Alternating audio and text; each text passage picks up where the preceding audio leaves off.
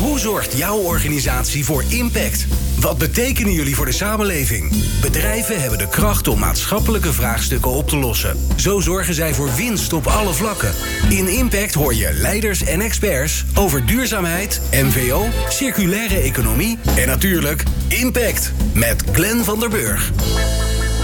Voor hoeveel euro staat biodiversiteit op de balans van Friesland Campina? Of zijn de gevolgen van klimaatverandering doorgerekend in de lange termijn plannen van het CPB? We tellen de verkeerde waarden. In plaats van rekening te houden met alles wat ertoe doet, hier, later en elders, tellen we alleen de financiële waarden in het nu. Wat zijn de gevolgen daarvan en hoe kan het anders? De gast Werner Schouten, directeur van de Impact Economy Foundation. Arjan Uddink, Consulting Principal, dat is een mooie titel zeg, bij het Impact Institute. En Hans Tegeman, hoofdeconoom van de Triodos Bank. Deze podcast maken we vanaf Terschelling tijdens Springtijd 2023, voor het vijfde jaar alweer. Het jaarlijkse forum waar samenwerkingen worden gesmeed en krachten worden gebundeld om de wereld te verduurzamen. En elk jaar hebben we haast en elk jaar hebben we weer meer haast natuurlijk. En omdat we haast hebben wil ik beginnen bij een snel rondje uh, langs jullie allen. Want we gaan het natuurlijk weer over een extreem groot onderwerp hebben. Um, en uh, ja, dat gaan we lekker klein maken. Jullie krijgen allemaal van mij één toverstafje uitgereikt. En als je dat toverstafje zwaait, is er één onderdeel, één specifiek onderdeeltje van ons financiële stelsel morgen veranderd. Nou, Hans, gaan we bij jou beginnen. Wat wil je veranderen met de slag van een toverstaf? Um, moraliteit. Oké. heb ik ook gewoon één antwoord. Dat het niet gaat over. Uh, eigenlijk, ja, dat wordt wel lullig dadelijk. Maar het gaat dus eigenlijk niet over de cijfers. Of uh, over hoe je impact meet. Want daar zijn we heel druk mee bezig. Maar het gaat uiteindelijk over de keuzes die mensen maken die aan de knoppen zitten. Oké. En waarom is dat zo belangrijk? Maar dus blijkbaar zie je dat misgaan omdat mensen zich voor een deel verschuilen achter cijfers, hè, risicorendement, maar ook achter duurzaamheidscijfers. Als we de impactcijfers, bijvoorbeeld biodiversiteit, als we niet weet, precies weten wat de biodiversiteit effecten zijn, dan is het niet belangrijk. Maar uiteindelijk gaat het, dit roep ik elke keer van, de besluiten die je thuis zou nemen, die moet je ook op je werk nemen. Ja.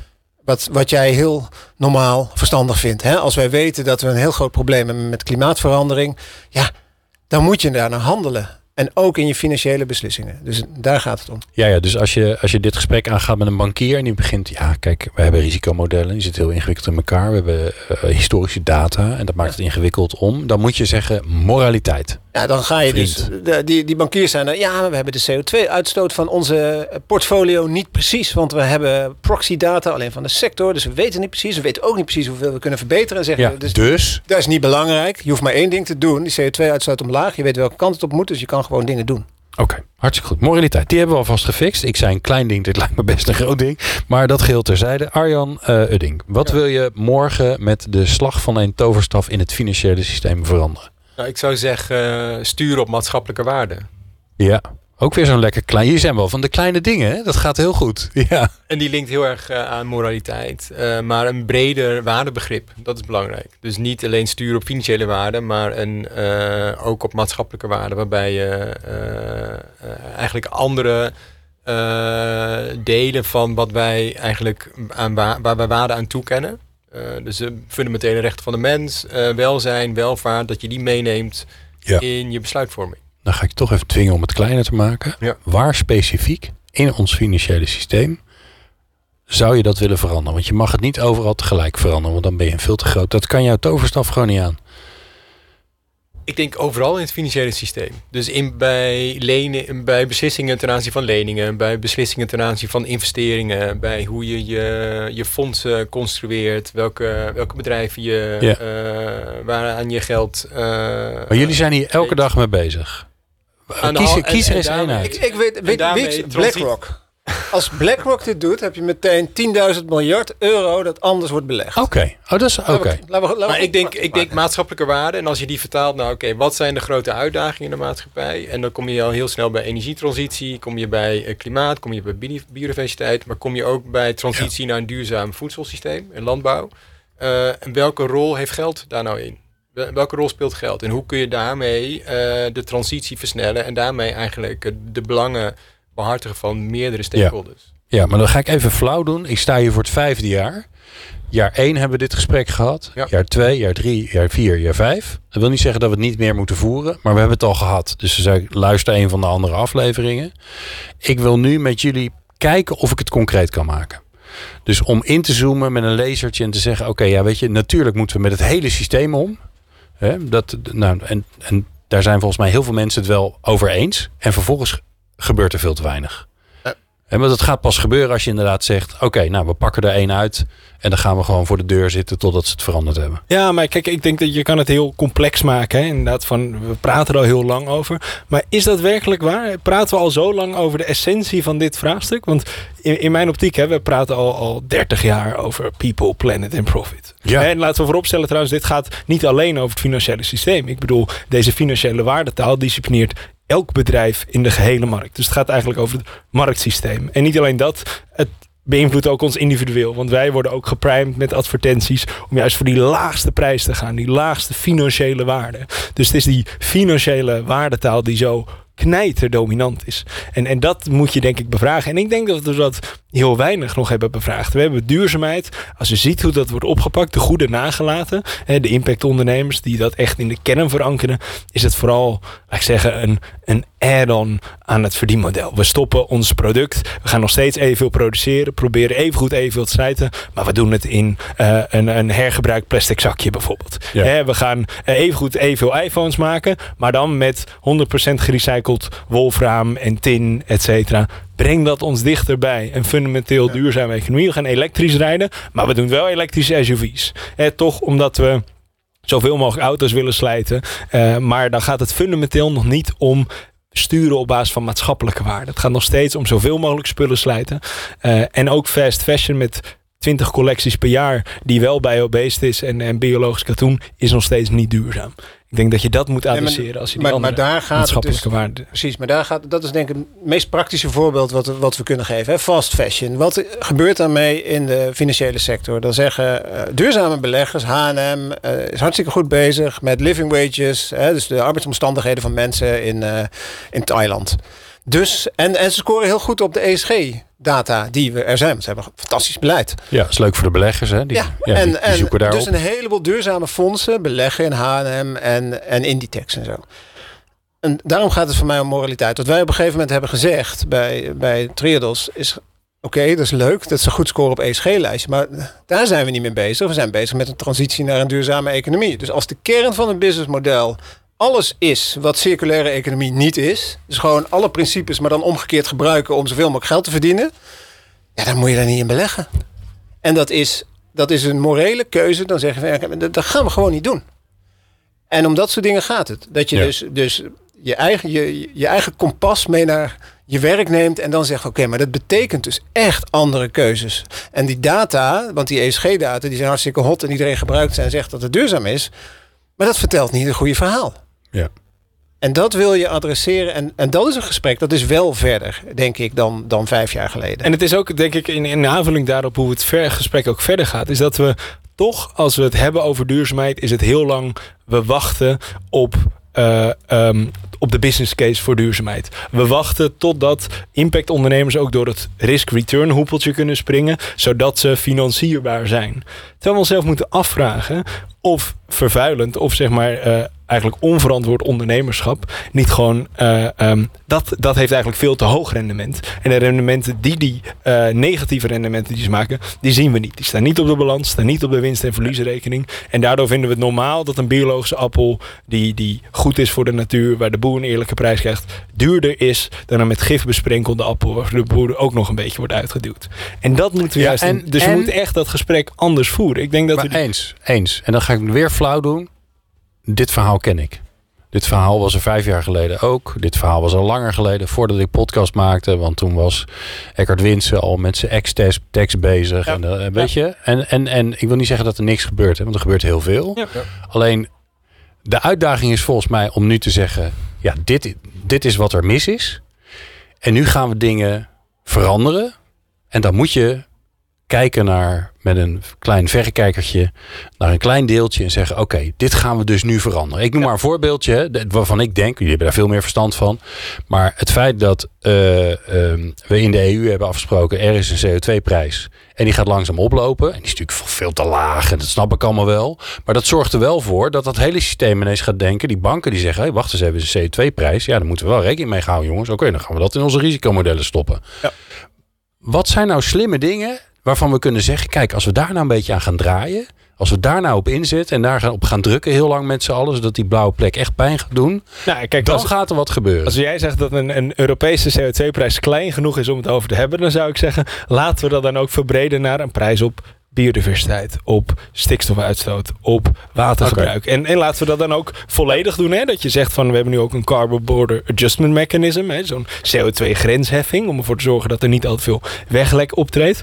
Nou, laten we die dan ook verbreden naar al die andere impacts. Is natuurlijk ook een beetje het Eckhart Winsen verhaal. Maar dat is uiteindelijk wel waar je naartoe wil gaan. En dan de overtreffende trap is natuurlijk dat de impactgedreven ondernemingen, hè, de partijen die aantoonbaar positieve waarde toevoegen. En dat, dat kan Impact Institute heel goed in kaart brengen. Uh, um, Arjan Udding met zijn team.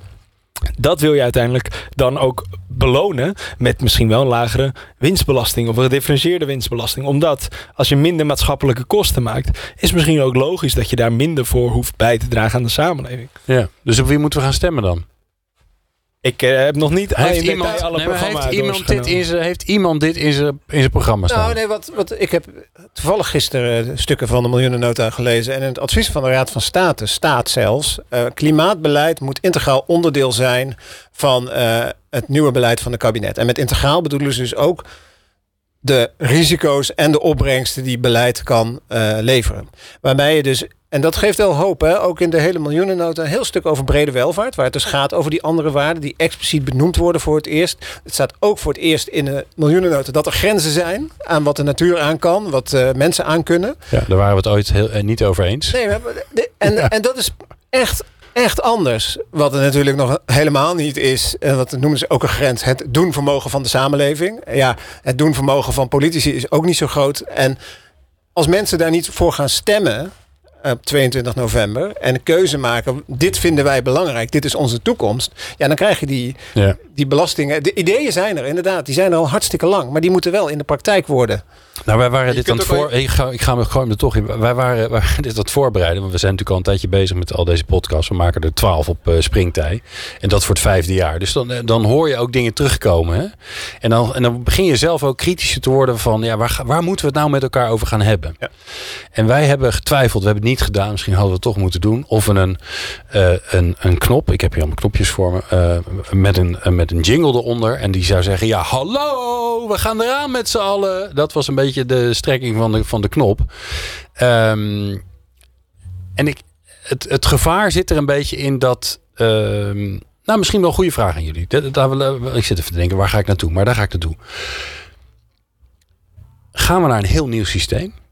Waarbij inderdaad de brede welvaart erin zit, alle andere waarden zijn vertegenwoordigd. Of zeggen we, dat is gewoon, dat duurt veel te lang. Want dan moeten we of revolutie of evolutie, maar dan wordt het ingewikkeld. We gaan gewoon alles, dus biodiversiteit, al die andere, die gaan we allemaal verwaarden. Die brengen we allemaal terug naar euro's. Dan mag je allemaal zeggen welke, welke het is. Arjen, jij mag beginnen.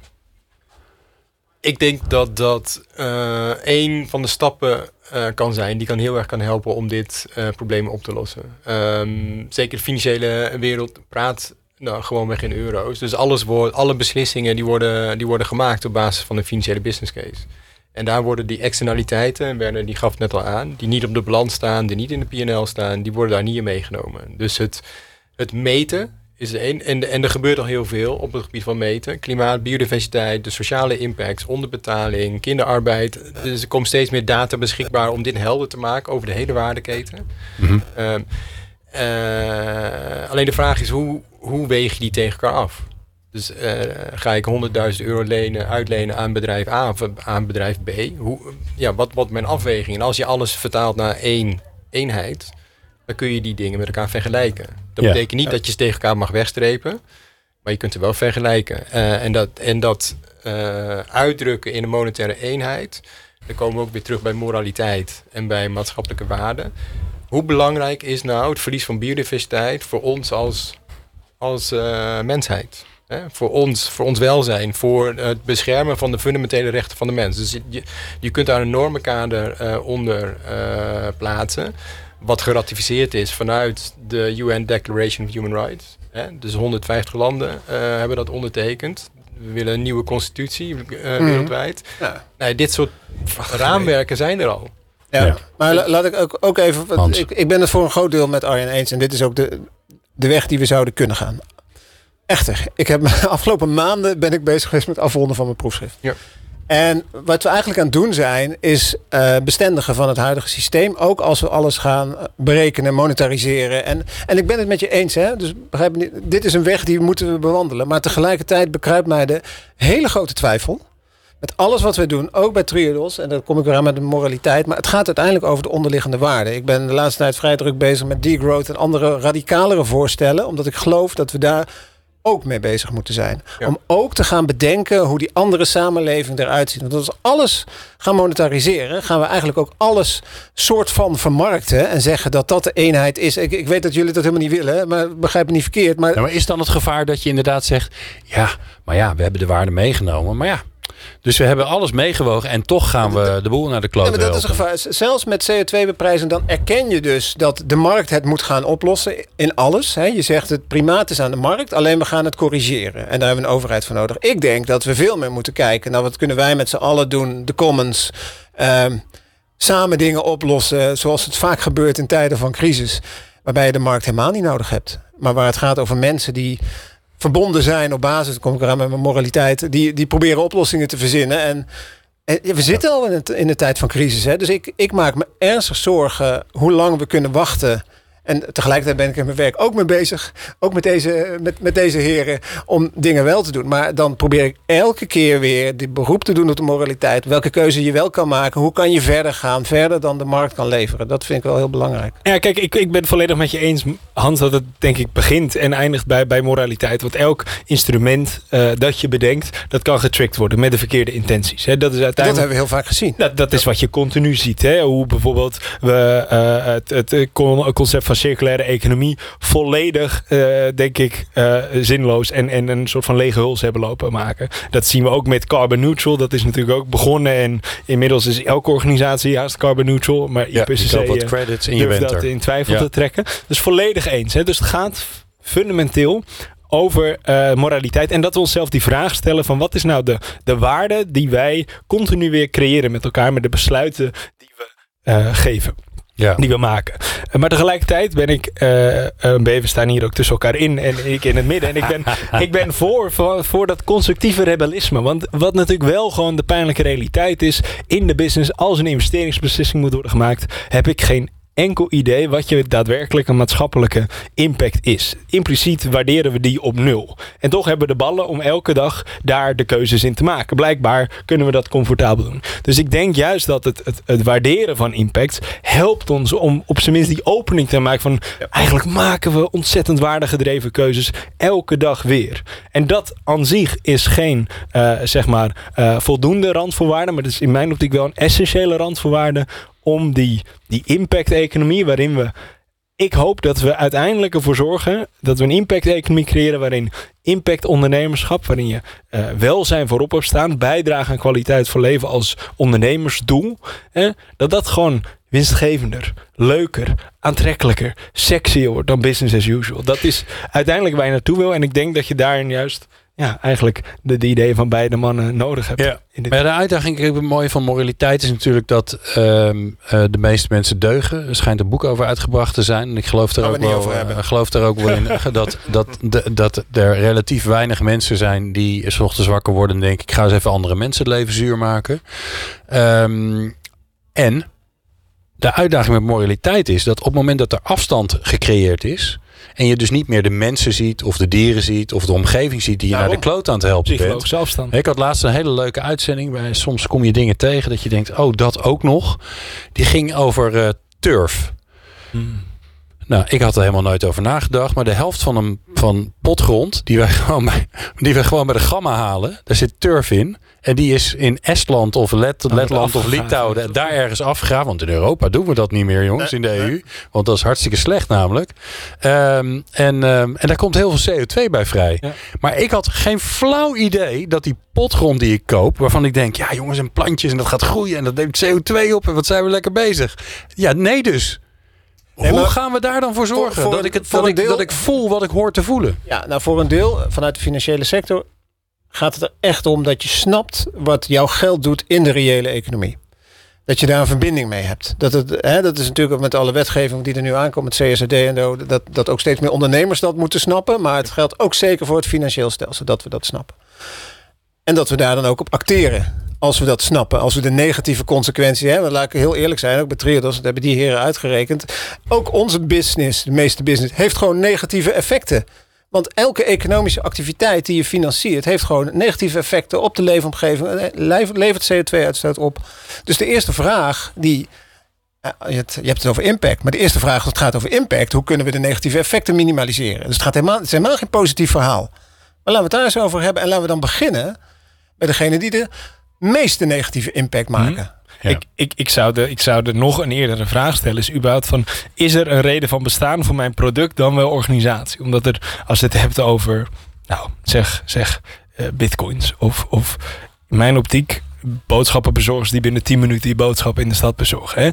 We bedenken continu eigenlijk bedrijven en organisaties waarvan wij ook weer denken van... oh, dat moeten we ook in een klimaatneutraal en circulair jasje gaan stoppen. Dat is gewoon dweilen met de kraan open. Continu. Ja. Dus, dus eigenlijk dat als, als fundamentele startvraag hebben. En eigenlijk de maatschappelijke uitdaging als vertrekpunt nemen voor alles wat je gaat ontwikkelen. Het is een hele degrowth verhaal wat je nu aan het vertellen bent. Hè? Dus eigenlijk alles wat maatschappelijk niet nuttig is, wat iemand dan moet afwegen, wat best wel lastig is. Ik ben het er helemaal mee eens, hè? Maar het is hartstikke subjectief. Um, maar dat is misschien wel voor een deel. Ja, maar dat is toch die moraliteit ook, ja, hè? Dat, dat we daar samen en dat we het eens zijn van dit is waar een onderneming voor bestaat. Maar dit, dit vind ik voorbe voordelen, voorbeelden waarvan je zegt: oké, ik geef een ander voorbeeld. Uh, ik woon in Wageningen, daar zijn heel veel bewuste mensen. Wij hebben een supermarkt waar je geen, uh, geen verpakking kunt krijgen. Hè. Dan moet je met, je met je bakjes en weet ik veel, daar gaan we naar naartoe. Dat hebben we al. Zo'n ja. zo'n dorp is dat. je geniet ervan, merk ik. Ja, dus, nee, maar het is echt fantastisch. Echt, het is superleuk, want er komen allemaal mooie initiatieven. Het is onwijs leuk. Ik zit daar uh, een, met mijn medewageningers, denk een mannetje of 300, uh, te kijken naar ehm, onder het maaiveld. En daar wordt daar, uh, nee trouwens niet waar, het was Gutto, de, de documentaire over de Gutto's in Nederland. En daar wordt daar ook, wordt ook uh, laten zien hoe, een beetje hoe de bio-industrie in elkaar zit. En er wordt verteld, ja nee, want als er melk geproduceerd moet worden, dan zijn er kalfjes. Ja. En er zitten gewoon mensen in mijn stadje, waar iedereen daar zo'n beetje mee bezig is, die zeggen, oh, komen er dan kalfjes? En die zijn zich gewoon niet bewust van het feit dat als ze kalfjes zielig vinden, die gewoon door de shredder gaan, dan moeten ze geen melk drinken. Ja. Maar als we dat zolang we dat niet met elkaar zien en voelen, dan gaat het niet gebeuren, jongens. Dit is exact de discussie die wij op dit moment mede door de data die Impact Institute heeft geleverd hebben over wat wij financieren. Je kan biologisch uh, boeren melk uh, produceren en dat kan je financieren. Maar de impact is nog steeds negatief. Hè, het is uh, nog steeds dierenleed. Nog steeds, uh, je hebt nog steeds CO2-uitstoot. Helemaal negatief. Je kan het nog zo goed doen, maar het is nog steeds negatief. Ja. Dus de vraag die wij onszelf nu aan het stellen hebben, we hebben nog geen antwoord, daar moet ik altijd mee uitkijken. Maar de vraag die wij onszelf stellen, past het dan wel om die dieren te financieren? Ja. En daar, dat bedoel ik, over dat soort vragen gaat het. En dat is best lastig, want we zijn er helemaal niet uit wat voor antwoord we gaan geven. Ja. Daar gaat het wel om. En Arjen, nee, maar dan kun je dus een, een, een, discussie hebben over als je dit transparant hebt gemaakt van oké, wat zijn dan alternatieve scenario's? Is het dan meer plantaardig? Ja. Dus de, het bewustzijn creëren, uh, het meten. Maar, hoe, maar jij, jij, jullie rekenen dat allemaal door. Ja. Hoe gaan we nou aan mensen op een redelijk eenvoudige manier laten zien dat ze dat wat ze doen, want ze zijn zich daar denk ik gewoon heel vaak gewoon totaal niet bewust van. Ja. Dat wat ze doen, wat, wat voor effect dat nou eigenlijk heeft. Dat als je melk drinkt, dat er kalfjes komen. Dat als je. Uh, ja, zo ja, simpel is een boek lezen, lijkt me. Maar ja, nou ja. Nee, maar kijk. Uh, en dat, en dat, en dat uh, biologische zuivel het de oplossing is hè, voor het probleem. Wat, hè, wat Hans net schetst. Dat is, dat, dat is namelijk ook niet zo. Je moet naar andere oplossingen gaan kijken. Maar even, even, eigenlijk even terug naar jouw vraag over het systeem. Kijk, het financiële systeem praat alleen in termen van uh, rendement, financieel, uh, risk. Financieel. Uh, financieel en impact nu. Impact dus steeds meer. En impact heeft eigenlijk twee zijdes. aan de ene kant is het rendement, aan de positieve kant. Dus creëer ik nou waarde voor mijn stakeholders. Maar ook negatief. Dus het meten van um, impact en het monetariseren ervan kan helpen om de afweging tussen risico-rendement en daarmee ook moraliteit en maatschappelijke waarde veel beter te maken. Dus daar zijn we mee bezig. Dus uh, om de, uh, eigenlijk de, de besluitvorming in de financiële sector van banken, van uh, investeerders, van vermogensbeheerders, om die eigenlijk te verrijken. Ja. En die taal aan te vullen. Ja, maar, dat, maar dan is het cruciaal, want dat zie ik dan gebeuren, dat veel financiële instellingen het alleen als een soort marketing-rapportagemiddel gebruiken, terwijl het ons gaat. De sturing. De strategische sturing op wat je wil en wat je niet doet. Ja. En dat is wat je moet doen. En dat, dat is mijn zorg dus meteen. Nee, tuurlijk. En dan kom je bij Werners punt van wat is uiteindelijk het vertrekpunt voor je organisatie? Ja. Wat voeg jij nou toe? Wat is jouw missie? Wat is je purpose? En hoe past jouw activiteiten nou in de transitie die we nodig hebben in de wereld? Ja, en hoe geef je mensen, uh, want die moraliteiten komen toch steeds een beetje op terug. En, en daar moet je, eh, ja, je moet ook snappen waar je eigenlijk überhaupt een afweging over moet gaan maken. Hoe geven we mensen de ruimte daar überhaupt toe in de organisatie? Dus hoe geef je ruimte om inderdaad af te wegen, ja, hoe zit het nou eigenlijk jongens en wat, wat, wat gebeurt er nou eigenlijk? Je ziet dat met dat, dat CSRD ook, ja, dat hoor je overal terug. Dat is volgens mij hartstikke goed.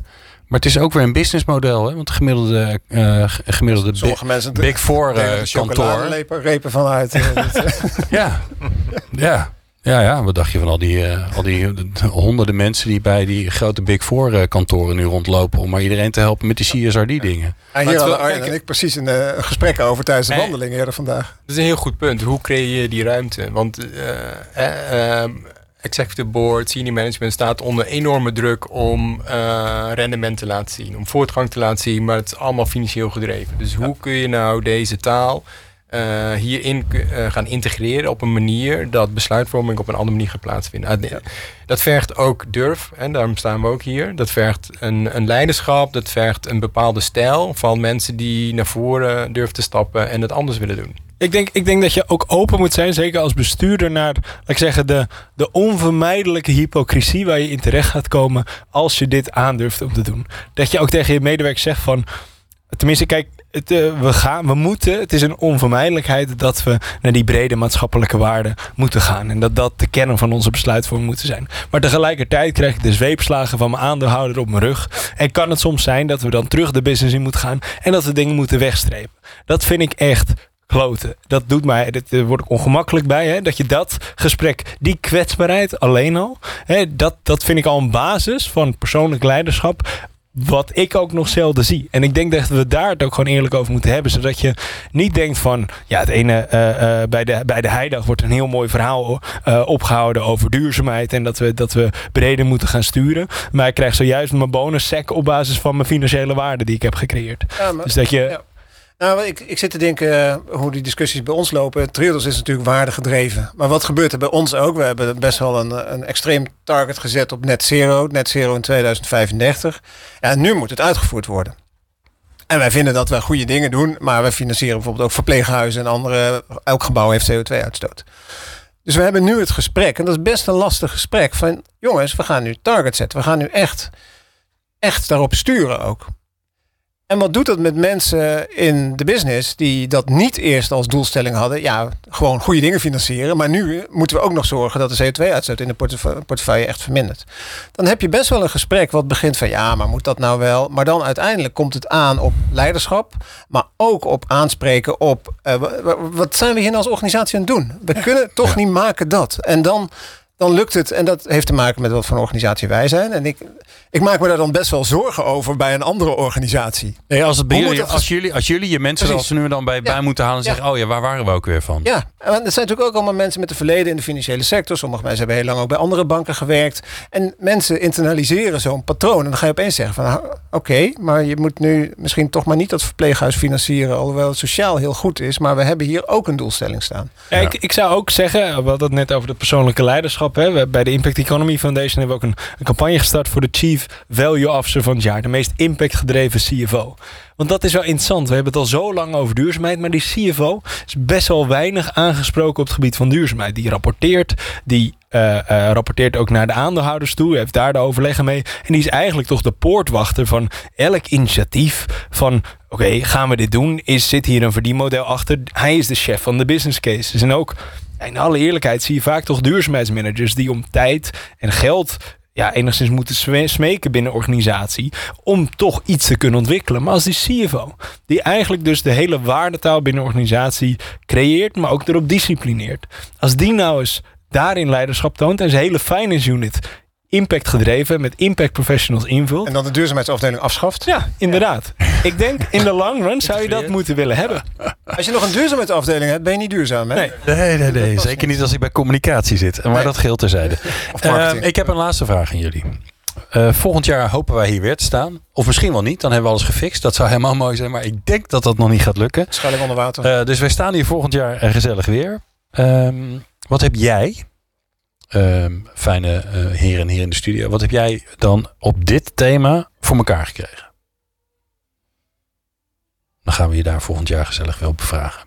Hans zit er heel hard te denken. Nou, nee, nee. Dat, um, dat wij bij Triodos voor alles wat wij financieren en, um, en investeren, dat doen op een manier dat transities versnelt. Dat klinkt vrij vaag, maar dat betekent dus dat we elke keer nadenken: oké, maar is deze euro, heeft hij nou impact op een betere wereld? Okay. Of niet? En, dat, de meest en, en, Hans, euro? en Hans, we maken het even persoonlijk. Dat heb jij dan voor elkaar gekregen? Ik ben ja, samen met heel nou, Ik mensen, ben in het dagelijks leven uh, Director Impact and Economics. Dus dit impact strategie deel, dat, dat, daar ben ik verantwoordelijk ja, voor. Oké, okay. nou hartstikke goed. Arjan? Ik ga um, over een jaar heb ik een aantal organisaties in de financiële sector, in de energiesector en voedselsector geholpen om te laten zien dat het anders kan. Oké. Okay. Dus, uh, Hoeveel? Zeg ik dan maar even flauw. Vijf. Vijf. vijf twee ja, banken, ja. vijf impact twee oh. banken, vijf impact investors, twee oh, energiemaatschappijen oh, en een aantal voedselbedrijven uh, uh, in de voedselketen. Oh, niks vijf, je zit al bijna op tien. Hartstikke goed. Werner? Nou, volgend jaar hebben wij, uh, ik als onderdeel ook van de Impact Economy Foundation, een, uh, een coalitie gebouwd van um, minimaal zes grote ondernemingen, meer dan honderden, duizenden werknemers, die zeggen van nee, wij sturen op brede welvaart. En we nemen dat mee bij onze investeringsbeslissingen. We weten nog niet exact hoe we dat allemaal moeten gaan doen. Uh, committeren ze. Maar zeggen wel van hier gaan we de komende jaren aan werken. En wij zijn dan de, de aanjager die dat gaan doen. Hartstikke goed. Toch een beetje nieuwe ideeën gehoord? Uh, ja, ja, nee, ben ik een beetje, een beetje op zitten duwen. Maar ik vond het mooi. En dat was uh, geanimeerd. En er zat van een hoop energie in. Dat, dat biedt altijd weer een hoop hoop. Dus, dankjewel. Hans Tegenman, hoofdeconoom Triodos Bank. En ook nog een keer dat hele ingewikkelde met impact wat je net zei. Arjen Uddink, Uddink is consulting principal bij het Impact Instituut. En Werner Schouten, die hebben we natuurlijk ook gehoord van de Impact Economy Foundation. En natuurlijk, dankjewel voor het luisteren. Meer afleveringen van Impact vind je op impact.radio.